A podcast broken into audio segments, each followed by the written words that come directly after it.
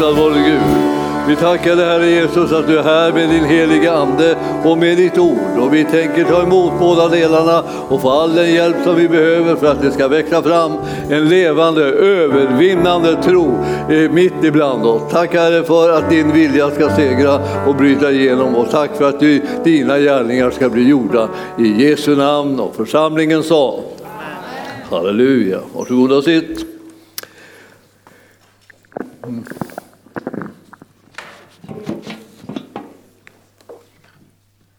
Ja, vi ska förstås tala om helande och vi ska tala om Jesus och vi ska tala om oss. Därför att vi ska göra gemensam sak. Alltså det är inte någonting liksom, eh, eh, sådär som att vi bara är tillhör någon slags eh, fanclub som, som beundrar Jesus för vad han har gjort, utan vi, till, vi är hans kropp som ska vara verksamma inom samma område som han var verksam när, när han gick här för första gången här på jorden.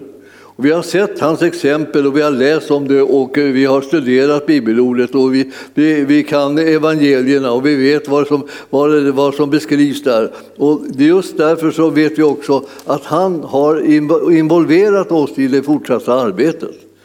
Och det här är liksom en upprättelse utan like. Och jag, jag minns ju det att jag liksom i mitt hem, när jag växte upp, där var man stora beundrare av Jesus. Ja, man gjorde också hans gärningar, men man liksom, eh, eh, tog inte på något sätt liksom till sig någon minsta eh, heder eller ära för det, utan man bara talade om att man var ingenting och man var ingenting. Och Jesus hade gjort allt och alltihopa det här. Och det, det är klart, alltså på sätt och vis är det ju så. Det är tack vare honom. Men det är så att vi gör gemensam sak. Han, han har önskat att ha en kropp här på jorden som är fungerande. Han vill det och därför så har han gått och räknat in varenda en som är troende att de ska vara med och göra gemensam sak med honom och förhärliga hans namn, göra hans gärningar och, och under och tecken liksom ska röra sig precis där du och jag befinner oss. Vi som tror på Jesus, vi är hans redskap.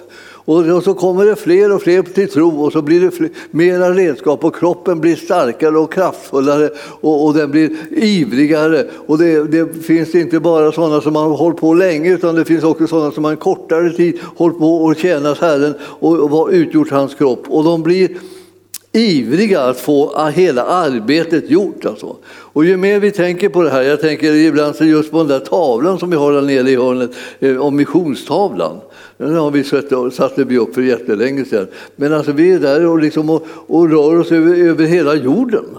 Och man kan tänka sig det är häpnadsväckande liksom en liten församling så här kan röra sig över hela jorden och vara med för, och bli en kanal för människors helande, befrielse och upprättelse, för människors frälsning. Och det, det, det är därför att han är stor och mäktig att göra någonting i och genom oss. Och vi ska inte liksom bara avsäga oss allt, att det betyder ingenting att, eh, med oss, utan det gör det visst det. Det är därför som man frälser oss, därför att vi betyder någonting.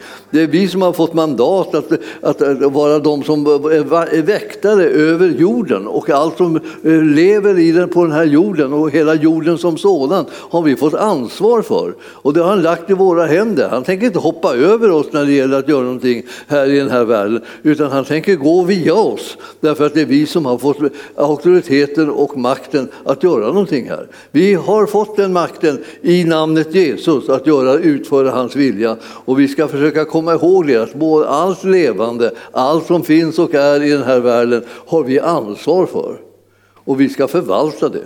Och därför så betyder det någonting då. Eh, vad gör vi nu då när, när vi har kommit i en sån här situation som vi är nu?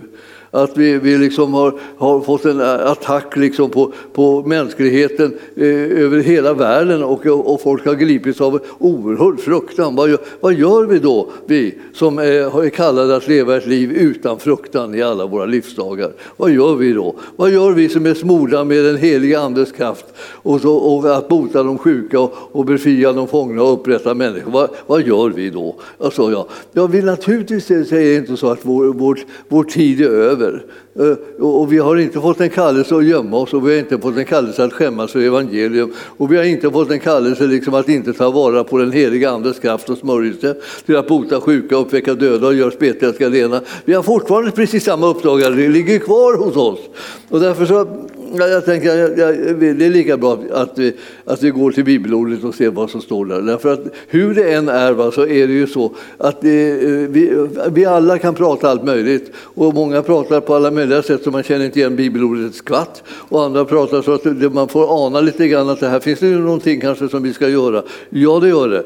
Vi ska vara de som är bärare av övernaturlig kraft och smörjelse för att göra Herrens vilja och lösa folket från fruktan och lösa folket från Eh, fruktan för döden och sådana här saker. Som man håller på att tänka, nu är, nu är det slut, nu är det över. Så det, det, det, är inte slut, det är aldrig slut för oss kan jag säga på en gång medan jag, medan jag håller på här. Alltså eftersom vi har fått evigt liv.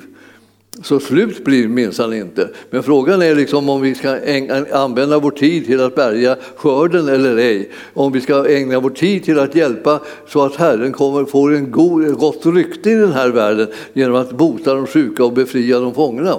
Det är frågan. Och därför så ska vi ta och titta här på vad han, vad han gjorde själv eftersom vi ska likna honom.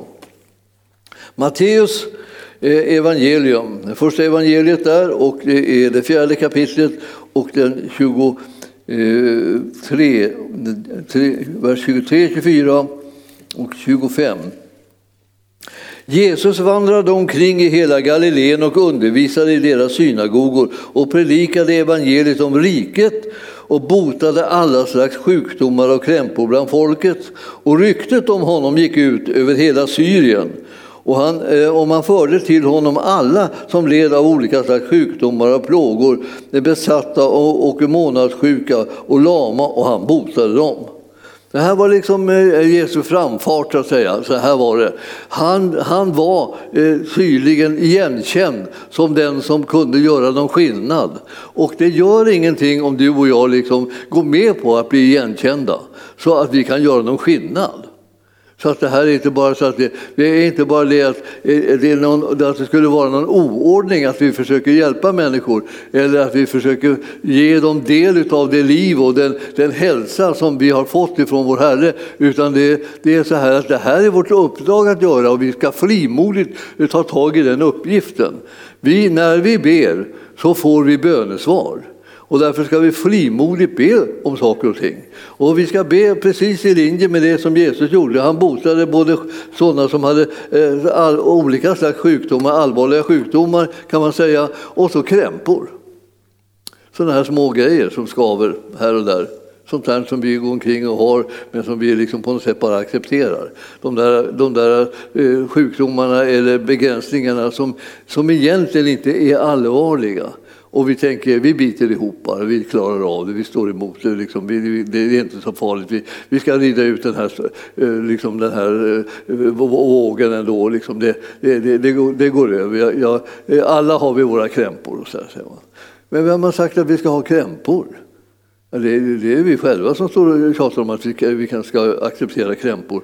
Men Herren han botade människor så att de blev fria från sina krämpor också.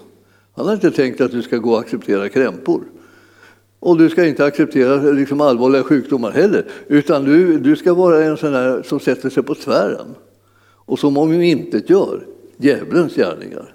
Och jag har tänkt så väldigt mycket på det här, liksom vad, det är som, vad, vad, vad kommer saker och ting ifrån? Visst ska vi veta att, vad det är som vad Herren delar ut. Ibland har vi fått det där om bakfoten och sagt att lidande är hälsosamt. Och man, ska ha, man går omkring och man går och bär sitt lidande och man, och, och man lider och man lider och man lider. Och, och att det skulle vara hälsosamt, ja, det är verkligen frågan om det är hälsosamt. Jag har ju sett liksom, naturligtvis hos en del verkar det hälsosamt, det vill säga de har blivit lite, lite mildare, lite, liksom, lite mörade. Och när, och när de var friska så var de betydligt stöddigare liksom, och, och jobbigare att ha att göra med. Men så blev, fick de lidande in i kroppen och då blev de ibland lite grann mildare. Så här. Men det är inte Herrens påhitt.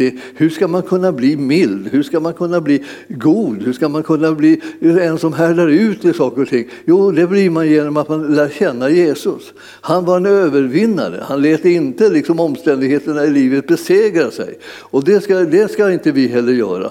Så vi har en annan väg att gå på än det att vi blir sjuka liksom, och lidande och därmed liksom lite tåliga och liksom lite dämpade på något vis. Men det här Herren vill ju bota de sjuka, och vare sig de har allvarliga sjukdomar eller de har små krämpor. Och eh, då, då ska du vara med på det, att du kan också betjäna människor eh, inom vilken kategori som helst här. Sjukdom kommer nämligen inte från Gud.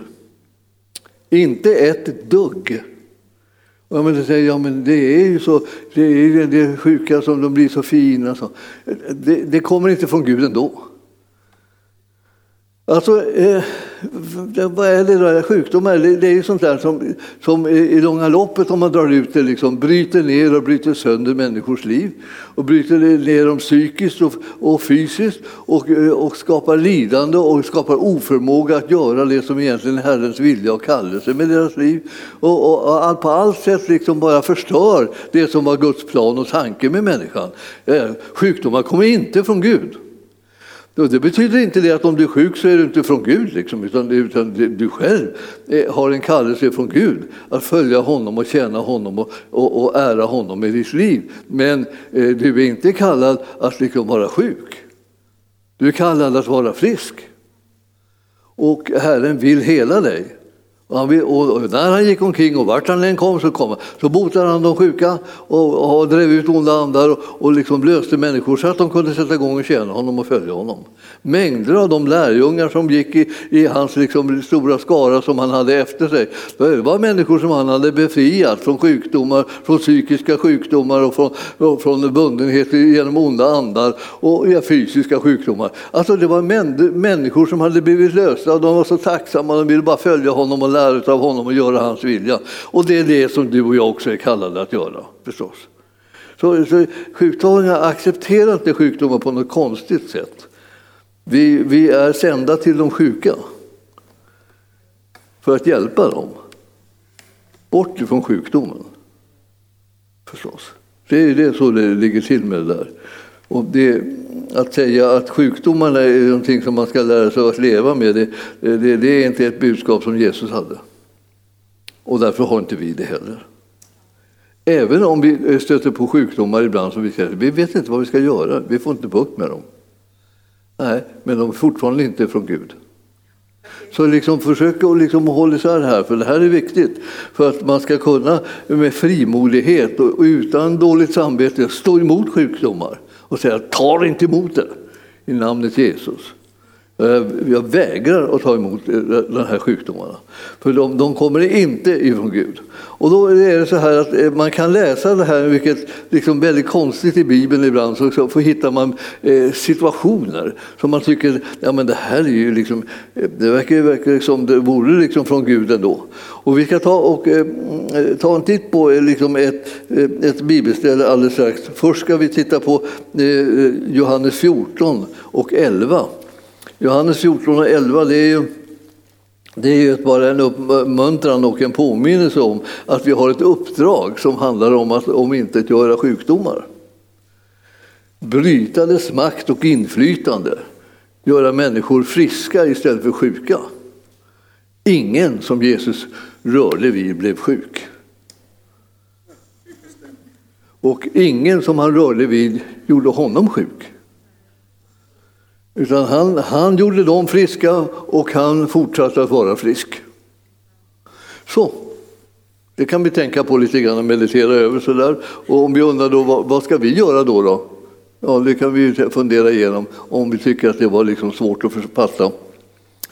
Så att eh, eh, i 14, 14 kapitlet hos Johannes så står det så här i elfte versen. Tro mig, jag är i Fadern och Fadern är i mig. Om ni inte kan tro det, så tro för gärningarnas skull. Alltså, han vill säga så här, det finns gärningar som han gör som kommer att hjälpa er att tro att han och Fadern hänger ihop. Att det är genom Jesus så görs Faderns vilja också. Så, du kan dra en slutsats. Och då, då, kommer, och då står det så här. Amen säger jag er. Den som tror på mig skall utföra de gärningar som jag gör och större än dessa skall han göra, ty jag går till Fadern. Ja, de var ju överens, Fadern och, och Sonen var överens och så. Och här så, eh, så ska man göra hans gärningar. Eh, och, eh, och om man tror på honom så blir det konsekvensen att man gör hans gärningar. Och vad är då hans gärningar för någonting? Alltså? Eh, ja, det, vi ska först se vad som händer här i 15 eh, eh, eh, jag ska se om jag, jag ska se om jag hade läst, läst jag tolvan. Amen, amen, säger den som tror på mig ska göra, utföra de gärningar som jag gör och större än dessa ska han göra, så jag går till Fadern. Och vad ni än ber om i mitt namn skall jag göra för att Fadern ska bli förhärligad i Sonen. Om ni ber eh, om något i mitt namn så ska jag göra det. Det vill säga om ni ber, och det här är det, liksom, det där ordet ber har ju lite grann betydelsen begär. Om ni begär någonting i mitt namn, inte från Fadern alltså, eller från Jesus, utan begär av omständigheterna, situationerna, att de ska ändra sig. Alltså, bli helad i Jesu namn. Vad händer då? Det händer det här. Då, om ni ber om något i mitt namn, ska jag göra det, säger han. Alltså när jag säger bli helad i Jesu namn så kommer det, det hända att Jesus helar dem. Ja, så, så, så får inte bli överraskad, eh, det blir vi ändå, lite märker jag. Men, oj, oj, hjälp, den blir helad. Och, och ja, visst, Visst, och, och, och det, man, man, blir liksom lite överraskad liksom varje gång i alla fall.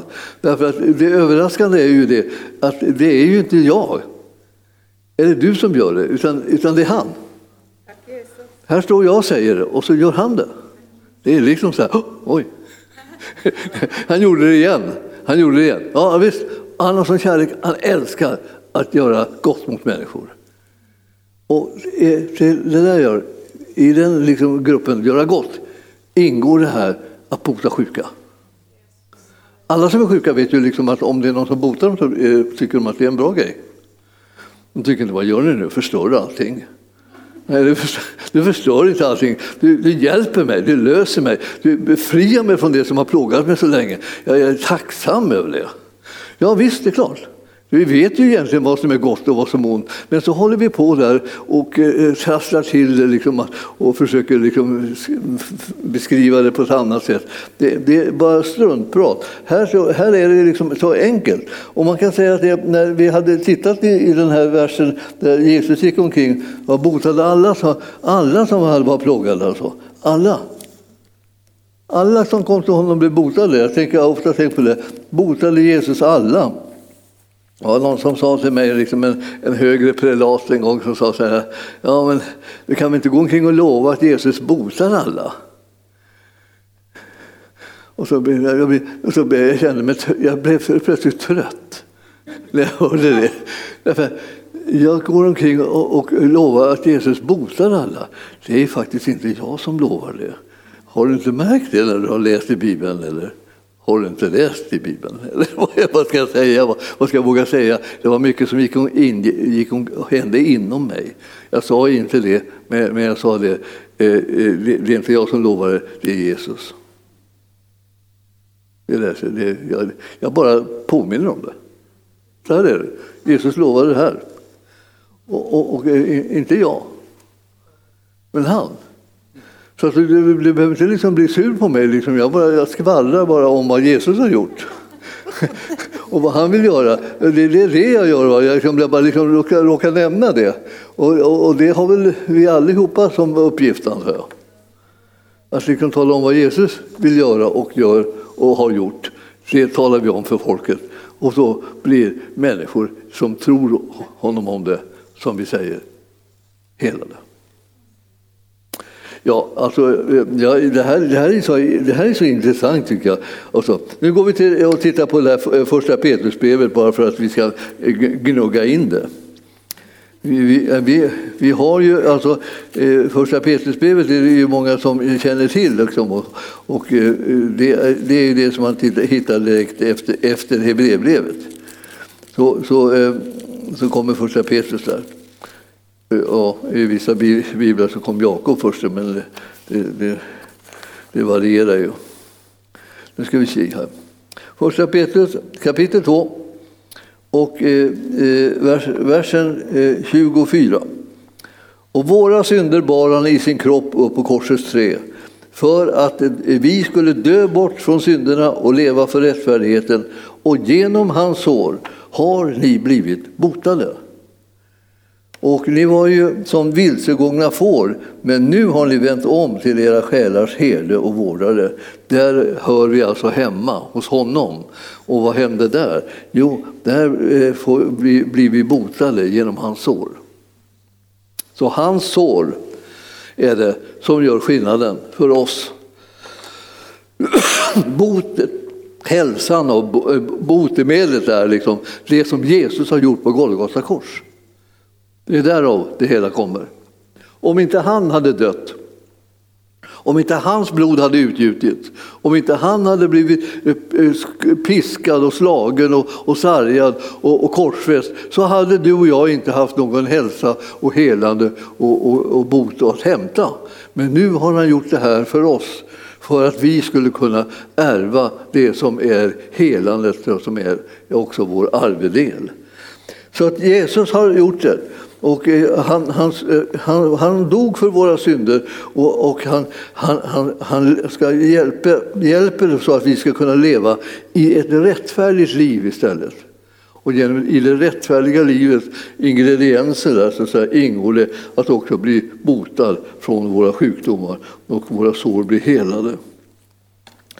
Och vi läste ju alldeles häromdagen och vi har ju hållit på och pratat om det här ganska mycket från, från eh, Jesaja 53. Och, och, och, vi ska ta, ta, ta en titt på det igen innan vi, innan vi går till det här bibelstället som, jag, som, jag, eh, som handlar om att lära sig läsa Bibeln och förstå vad som står där. Om du vet någonting om vad Jesus har sagt och vad Jesus har gjort Eh, så gäller det som han har sagt och gjort hela tiden oavsett vad du läser för bibelställe senare. Alltså, om det står någonstans att Jesus han vill bota alla så om du sedan möter någon liksom, eh, eh, senare i livet och tänker här kommer, här kommer det en sjuk och, det, och, och, och, och, så tänker du så här, och den är så här och så här och så där och den vill, den vill inte följa Jesus och den vill inte göra något bra och den vill inte, den vill, den vill inte lyssna på vad jag säger och alltihopa. Eh, det, kan ju, det kan ju inte knappast menas att den personen ingår i gruppen alla. Utan underförstått så har jag tänkt, Jesus vill bota alla snälla. Men, all, men alla dumma, de, får, de, får inte, de vill han inte bota. Ja, det, det, det står ju inte. Alltså. Det står att han vill bota alla. Snälla och dumma.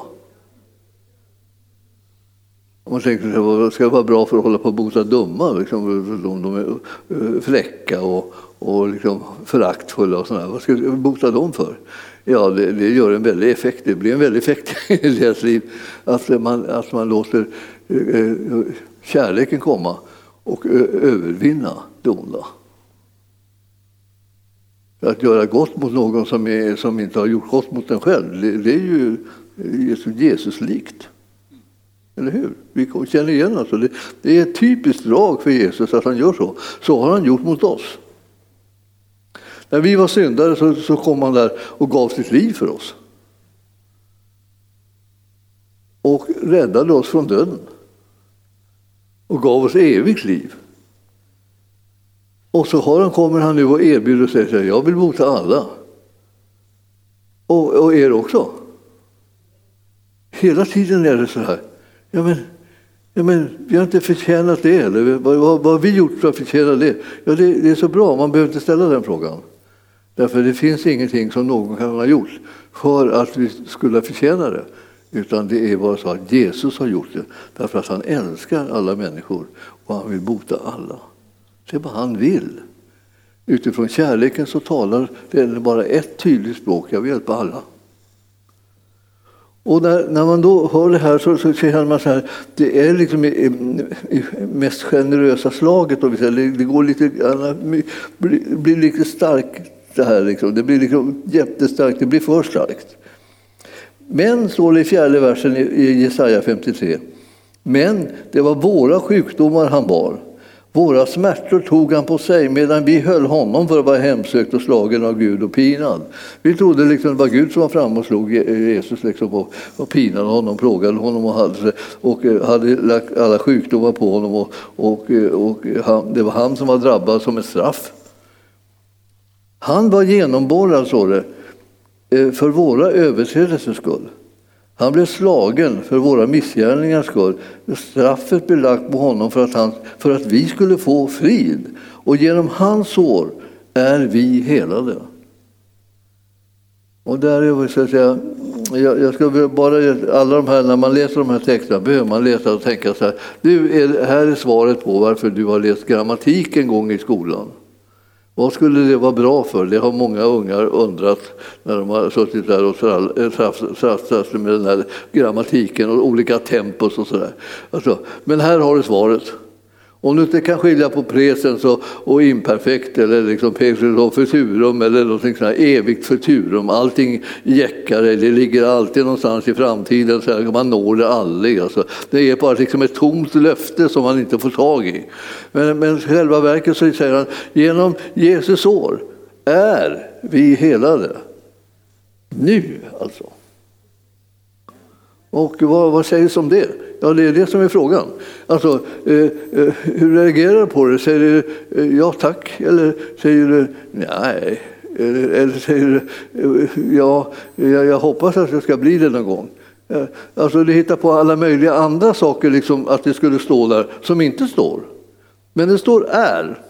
Och är är liksom är, är närvarande nu. Så eh, för den som tror så är det tillgängligt nu. Han har gjort det för alla. Men vilka får det?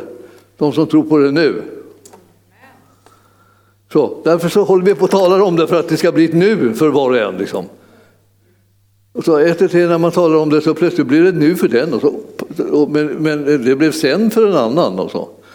Jaha, då får vi köra lite vidare då. Så kör vi lite vidare. Och så plötsligt blir det nu för en annan, då, ytterligare en så här. Men det var fortfarande sen för den och, och det där var, den, en annan tänkte det där kommer aldrig att ske. Så det var aldrig för den då. då. Så man måste liksom bestämma sig för var ska jag hämta sanningen ifrån? Ja, det kan inte vara det här, hur känns det? Liksom? Känns det skulle vara nu eller sen eller aldrig? Eller vad, vad, vad känns det som? Ja, det, om du ska gå på hur det känns så kommer du aldrig få tag i det. Men om du går på hur det står så kommer du kunna få tag på det. Och det står är! Det är nu, alltså i presens. Och därför så, så, så, så tröttar man inte på att säga de här sakerna fast man har sagt dem tusen gånger. Och, och, och, man har hört dem tusen gånger också, man vill, liksom, man vill ha tro på varenda liksom, liten millimeter av det, men är fortfarande liksom på jakt efter det. Det som väcker tro är predikan och Kristi ord. Det som står skrivet när det predikas, det väcker tro. Och om, det, om vi då hör det hör det, hör det, hör det, hör det, ett och tre, så bryter det igenom in i ditt hjärta och in i ditt sinne. Och oavsett hur du känner dig och oavsett vad du har för tankar hit och dit som snurrar åt alla håll och kanter, så väcker det plötsligt bara tro och exploderar i ditt inre. Milde tid, det är nu! Och, det, och jag bara säger ja, säger jag, för att jag vill ha det nu. Och, och då är det omedelbart mitt. Det, då, då, kommer inte Herren in och säger ja, eh, vi tar det där sen. Utan, utan han säger äntligen, jag har sagt nu hela tiden och nu säger du också nu. Så om han säger nu och du säger nu så är det, så är det nu. Ja. Så därför så, eh, men alltså, man förstår inte, det glider på något sätt ur händerna på en bara för att man, man tänker ja, men, eh, jag måste ju få massa vittnesbörd om att jag känner mig liksom, och nu känner jag mig jättefrisk och så. Men, det, han bara säger, säger, så här är det. Nu ska, nu, ska, nu ska få titta på ett bibelställe som, som, som är liksom bra. Det, det är ett sånt här trassligt bibelställe. Det, det, det, betyder det, det är sådana bibelställen som folk gillar så jättemycket, trassliga bibelställen. Oh, man kan missförstå det på 51 sätt. Om det så. Men därför så kan vi titta på det. Och då, då, då går vi till Johannes evangelium och nionde kapitlet Det är ett riktigt kapitel som får en att och liksom verkligen studsa till och tänka här har vi det. Och eh, det, det, behövs, ni förstår. Eh, att man tänker igenom det. Liksom. Vad vet jag? Vad är sant? Ja, alltså för det första så är, det ju liksom, är ju inte jag själv sanningens källa. Eh, det ska jag inte berätta för er, för då kanske ni börjar tvivla på vad jag säger. Men, men, men jag, ändå, jag erkänner att jag inte är sanningens källa. Och, eh, eh, och det är lika bra att du erkänner att det är inte du heller. Och, då, och så, så, så, ingen av oss liksom blir uppblåst och, liksom, och ska försöka liksom avfärda alla andra och tycka att man står i särklass, sann och äkta och allt vad man är. Men utan, alltså, eh, ingen av oss är sanningens källa. Vem är sanningens källa? Det är Jesus.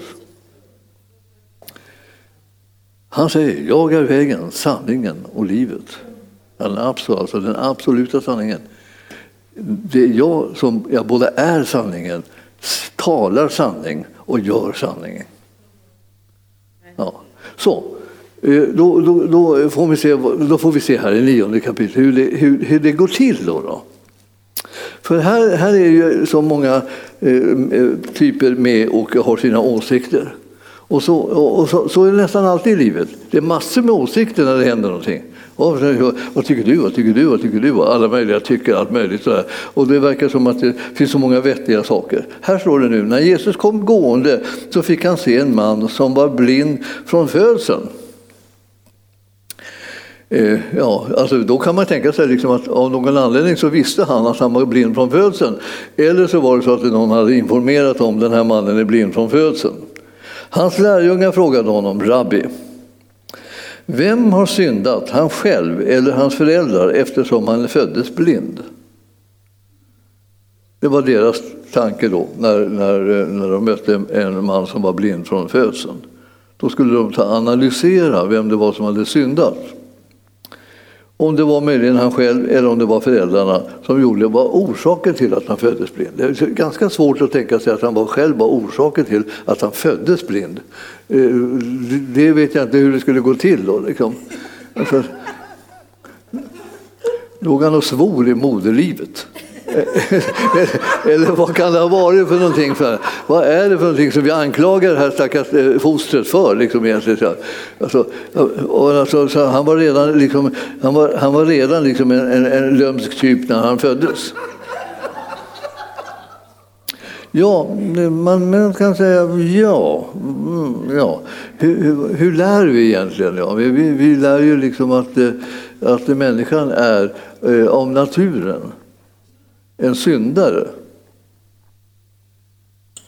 Alla människor är syndare endast tills de blir födda på nytt. Eller känner ni igen det? Ja. Så det fanns en viss risk att det här var en vanlig människa som föddes. Men, men det här alltså, alltså, att den var blind, eh, det, det, var inte nödvändigtvis liksom någon slags eh, eh, grej som den här barnet hade gjort, utan den var naturligtvis syndare och där ingick liksom bland syndarna i den här världen att människor också brottades med sjukdomar av olika slag, attackeras av det. Men det var inte liksom en gärning som man brukar i allmänhet säga, det, det, här, det här har du skuld till. Liksom det, här är liksom, det här är någonting som du måste göra upp med. Därför nu, eftersom du inte har gjort upp med det så, så, eh, så är det ditt fel att du har blivit blind. Ja, det var ett konstigt resonemang alltså. Vem har syndat då? då? Varför frågar du någonting sånt här? Ja, därför att sådana här frågor det ägnade sig liksom de vise åt inom judendomen. De diskuterade vilt denna, sådana här frågor. Eh, teoretiska frågor. Liksom om så här, vem kan det vara som, vems fel kan det vara nu att det här, är blind, det här barnet är blind och nu har, har varit blind hela livet till den här dagen? Och Jesus svarade då, och nu svarar han så här. Det är varken han eller hans föräldrar som har syndat, utan detta har skett för att Guds gärningar skulle uppenbaras på honom. Och då tänkte man, vad är det nu Har Gud gjort det här stackars barnet liksom, och, eh, blint nu för att han sen ska visa sig liksom, som en väldigt mäktig Gud som går in och, och ska bota det här barnet? Är det så? Är det så? Är det så? Ja, alltså, det, det, det, är ju så här så, det är bara det. vi vet inte vad vi tänker när vi läser Bibeln. Så att om vi, om vi ser här så står det så här. Det är varken han eller hans föräldrar som har syndat. Så var det alltså. Det var varken han eller föräldrarna som hade syndat. Vad står det sen då? Och detta har skett. Och då tror vi att detta handlar om att eh, han blev blind. Ja, det gör det inte. Det handlar inte om att han blev blind. Detta syftar på det här, det här mötet mellan Jesus och han skedde. Vad då för? För att Guds gärningar skulle uppenbaras för honom. Och vad säger det om den gärning som vi redan har sett? Alltså själva blindheten. Det var inte en Guds gärning. Men det som skulle uppenbaras genom att nu han mötte Jesus, det var Guds gärning. Nu skulle Guds gärning uppenbaras. Det första hade inte skett genom, genom Guds vilja. Det andra kommer att ske genom Guds vilja. Förstår du? Du tror att detta automatiskt syftar på att eh, mannen var blind. Men det syftar på att de möttes. Om du har varit med om det här, gudomliga träffar. Alltså, du möter en människa plötsligt och så kanske inte ens kände den. Kanske, och precis i rätt tid och i, rätt situation och du kunde göra precis det som Herren hade sänt ut dig att göra. Och du blev liksom nästan chockad över att alltihopa stämde. Ni bara liksom nådde varandra, du kunde säga orden och du kunde förlösa hela situationen. Och det, det skedde som ett under. Det var ett gudomligt sammanträffande. Det är en sån här sak som detta handlar om. Detta har skett för att Guds gärningar, Guds gärningar till skillnad mot de tidigare gärningarna, skulle uppenbaras på honom. Så länge det är dag så måste vi göra hans gärning som har sänt mig, säger Jesus. Natten kommer då ingen kan arbeta. Men jag, när jag är i världen så är jag världens ljus. Och när han hade sagt detta spottade han på marken, gjorde en deg av saliven och strök den på den blindes ögon och sa till honom, gå och tvätta dig i dammen Siloam. Ordet Siloam betyder utsänd. Då gick han dit och tvättade sig och när han kom tillbaka kunde han se. Då hade Guds gärning blivit gjord. Alltså att han var blind var inte Guds gärning. Guds gärning var, de möttes och han tog emot helande. Det var Guds gärning. Men så kan man tänka sig, ska det, vara så, ska det vara så svårt att märka det? Så man tänker så här, ja detta har skett nu då, Gud. Så nu, om, jag, om, jag, om jag skulle tolka det här ordet som att säga, det, detta det syftar på att eh, mannen var blind så, så är det som att, att Gud har arrangerat så mannen skulle vara blind. Och sen så eh, när, när det liksom kommer en situation där Jesus kommer, så här, då dyker liksom Gud upp så här, och, eh, och, och, och, och liksom tar bort den här blindheten. Eh, så han var både liksom källan för att han blev blind och sen så kommer han och så gör han honom frisk igen. Vad är det vad är frågan om? Vad ska man ha en sån Gud till som går omkring och gör en sjuk så här och sen så gör han en frisk. Och så är sjuk och frisk och sjuk och frisk. Då gäller det bara att man kommer när han är på rätt humör då, liksom, så att säga. När han ska göra mig frisk. Då. Skönt, hur är det? Är du glad idag? Är du glad? Är du hjälpsam? Är du, är du så här, kan jag komma till dig och be om någonting utan att du liksom gör saken värre? Ja, det här är ju liksom en smutskastning av Gud utan like. Gud är den som helar. Djävulen och den här världens mörker är det som gör att människor blir sjuka. Så om man läser så tänker man sig, ja, men Jesus säger ja, nu ska vi passa på att göra det som hör ljuset till. För vid det här som jag har mött, det hade någonting med, med mörkret att göra. Det kom därifrån, sjukdomen kom därifrån. Var det hans eget fel att han hade blivit sjuk? Nej, det var det inte. Utan det var det att han var i den här världen och tillhörde människosläktet som var fallet. Och som allihopa var syndare. och eh, han blev sjuk. Och nu kommer Gud genom att han för samman sin son med, med den här mannen och gör honom frisk. Och det var det som var eh, kännetecknet på att Gud var görlingen. Han botade den sjuke. Jätteviktigt att veta alltså, att man kan lita på Gud. Vad kommer han att göra om vi träffas? Eller ska vi säga, för att lite, säga lite vänligare, när vi träffas. För vi, vi träffas ju. Ja. Och, och, vad kan jag då förvänta mig av honom?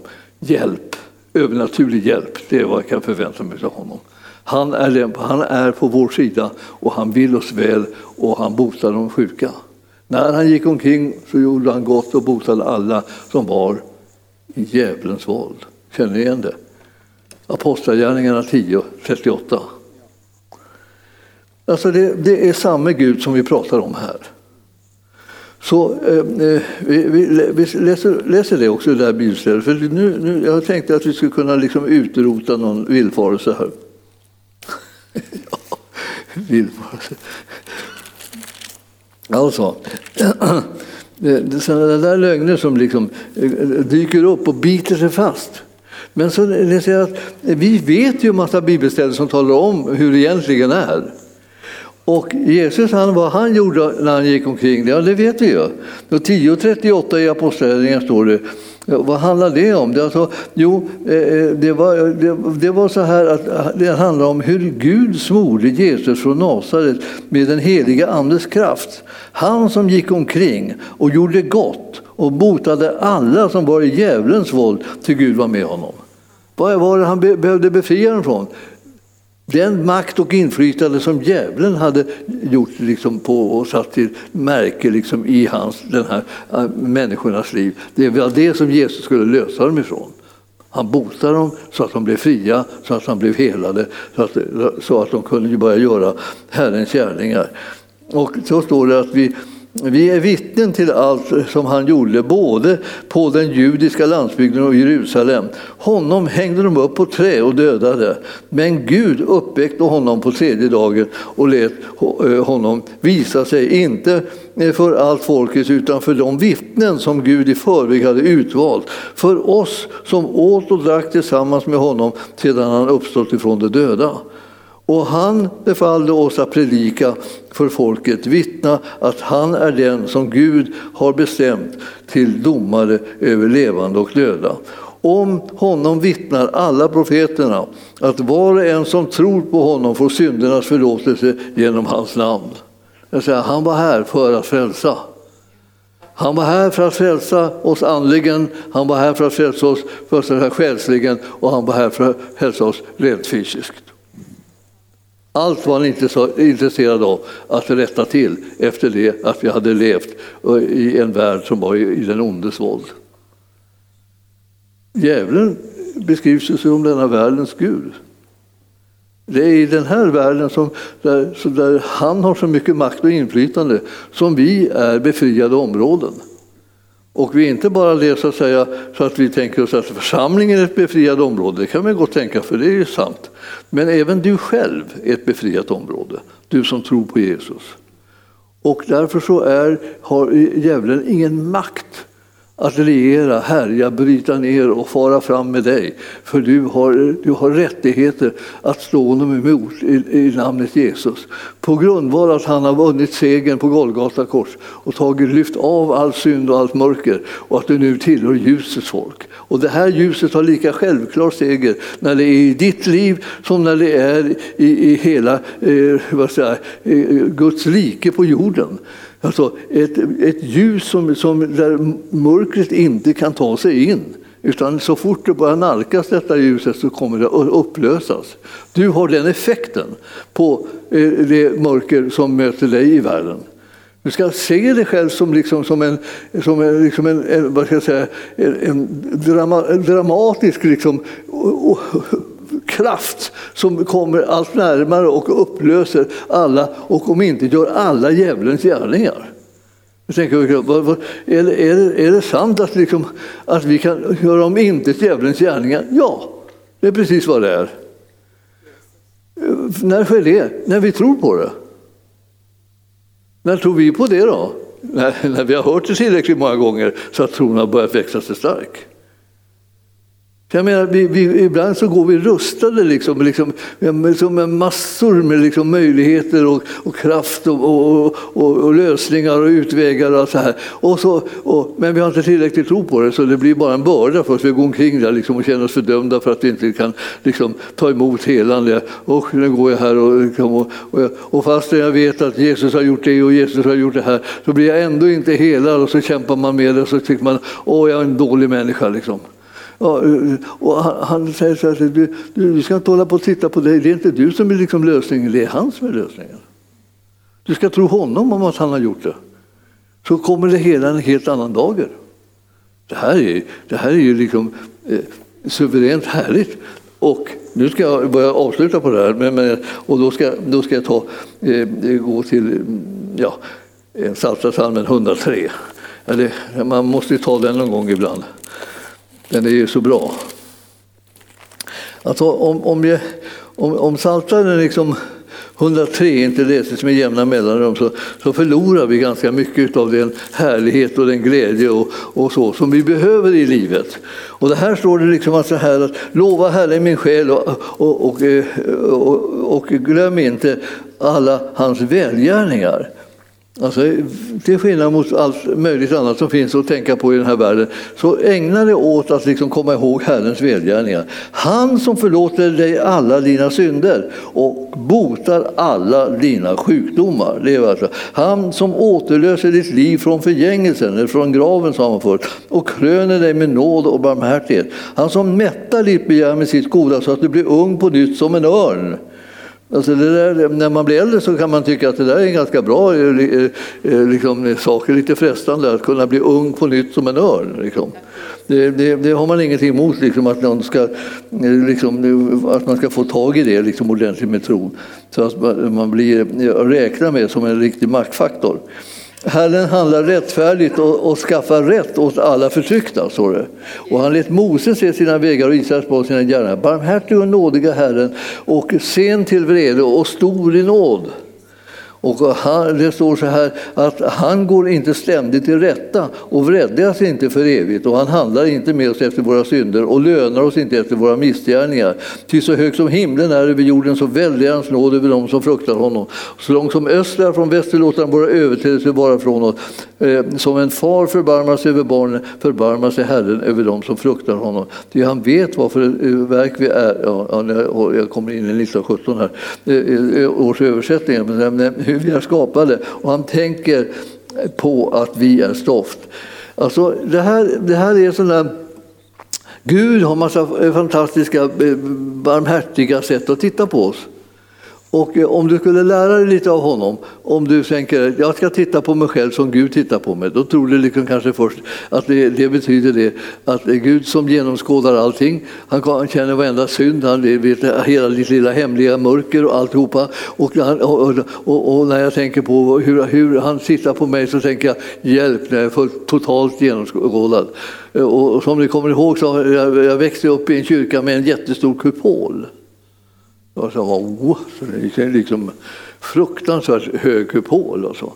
Längst upp i, i kupolen, alltså där, där man bänkade, och där, och där, där fanns det liksom en, ett, en trekant, det var treenigheten. Det var liksom, alltså trekant. Och i, i den där trekanten så hade man ritat ett öga. Och det ögat tittade där uppifrån rakt ner på oss som satt där ner. Vi satt där liksom. Och liksom var bespejade och tänkte så här, vad ser han när han tittar på oss?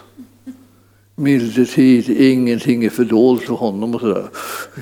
man tänker så här, vad trevligt. man känner så här, man, man känner så man, det, var, det var inte värt vatten. Va? Tills man kommer på liksom, att om jag ska ta reda på vad han själv säger att han ser när han tittar på oss. Och då tittar han på oss, och tittar på oss med som barmhärtighet och nåd och godhet och, och kärlek. Och, liksom, och, och, och, och han förbarmar sig över Han tänker på att vi, vi är bara stoft. Liksom. Man kan inte, man kan inte begära för mycket av, av den här lilla typen som står där. Det är inte så farligt. Man måste räkna med att liksom, jag klarar inte alla de här sakerna. Men titta vad gullig han är och titta vad fin han är. Titta liksom så här, så här, ja, sådana där saker. Alltså man får höra liksom, eh, att Gud liksom sysslar med så här, sitter där liksom och älskar en. Va? När han vet allt. Älskar den ändå alltså. Ja. Och det är därför som han sänder sin son. Fast han vet allt om oss, älskar oss ändå, sänder sin son som ger sitt liv för oss. Alltså. Ja. Så där, där sitter vi och liksom blir så älskade så, så, att Gud inte har undanhållit någonting. Han till och med eh, offrar sin egen son för oss som var som vi var och är som vi är. Och därför så kan man känna, vad kan hända då om man har gett allt som man kunde för oss? Medan vi var som vi var och är som vi är. Ja, man kan inte förlora det. Man fick ju allt fastän man fortfarande var som man var. Alltså, man fick det inte först när man blev bra, man fick det för att man skulle bli bra. Och han älskade en innan man var värre. Ja, inte dåligt. Man kan känna vilken befrielse och dessutom vilken trygghet. Det är inte så att Gud en dag plötsligt kommer på så här, milde tid, är det så där du är? Jag tar tillbaka allt sammans. Och så skulle han ta tillbaka all förlåtelse, all nåd, all barmhärtighet, all kärlek bara för att han plötsligt kom på hur jag var. Men han vet hur jag var och han vet hur jag är och han älskar mig ändå. Och dig med. Medeltid alltså. Vilka, vilka, vilken förmån, vilken trygghet. Man kan inte plötsligt, det blir inte en dag då han blir överraskad över vem jag var, utan han har vetat det hela tiden. Så han kommer inte ta tillbaka det här bara för att han liksom kommer på, ja men du var ju mycket ruttnare än jag hade trott. Du är mycket lömskare och mycket, mycket hemska tankar du har. Och så där. Det hade jag inte räknat med, det tar jag, då tar jag tillbaka allt. Nej, nåd och barmhärtighet är sånt där som är oförtjänt. Och Gud visar oss nåd och barmhärtighet, alltid. Och han kommer alltid att vara på vår sida och han kommer alltid att hjälpa oss. Han kommer alltid att stötta oss, han kommer alltid att vara förlåtande när vi bekänner våra synder. Alltså vi har en, vi har en fullständigt öppen himmel, förstår ni. En sån kärlek går ju inte att förstå. Den övergår allt förstånd. Alltså. Och vi har ju hört det. Men vem trodde vad som predikades för oss, skulle man kunna säga. Det har vi också hört. Att det står någonstans att vem trodde vad som predikades för oss. Jo, jo, jo visst, så var det ju. Att det var så bra så att man, man kunde inte tro det. Nu har Herren en sån kärlek till dig och mig för att vi ska göra gemensam sak med honom i den här världen och vara hans redskap för att kunna bota de sjuka, befria de fångna. Och han kommer att lösa människor från fruktan så att de inte går omkring hela och darrar och, och inte kan göra ett enda vettig sak medan de är här på jorden bara för att de är så rädda för döden och för straffet och för domen och allt vad det är. När, när Jesus har tagit på sig allting redan. Och för den som tror sen är, är ju befriad ifrån det här. Vredesdomen ligger inte över dem och dallrar och, och liksom straffet är liksom, eh, kommer inte över dem när plötsligt när de minst anar så plötsligt blir man straffad för allt ont man har gjort i livet. Det är för sent. Jesus har redan tagit straffet. Har ni inte hört det? Är ni inte glada? är det inte lättnad? Ja, men det är fantastiskt. Alltså, vilken, vi har ingen anledning att gå omkring och huka här och vara livrädda. Vi är de som är beskyddade. Vi är de som är benådade. Vi är de som har vunnit barmhärtighet och fått eh, kärlek ifrån Herren. Och därför så är vi, har vi ett liv som inte liknar någonting annat. Alltså, eh, godhet och härlighet alltså, har vi fått i överflöd. Alltså. Ja, nu ska jag inte trötta med fler bibelställen, men jag vill bara säga att det är något gott har jag försökt att säga till er om Gud. Det är så att säga, han är god, han är kärleksfull, han är nåderik och han vill älska oss så, så att vi blir, kan älska tillbaka och göra sånt som är hans vilja fastän det övergår vårt förstånd hur det ska vara möjligt. Han är svaret. Gud välsigne er.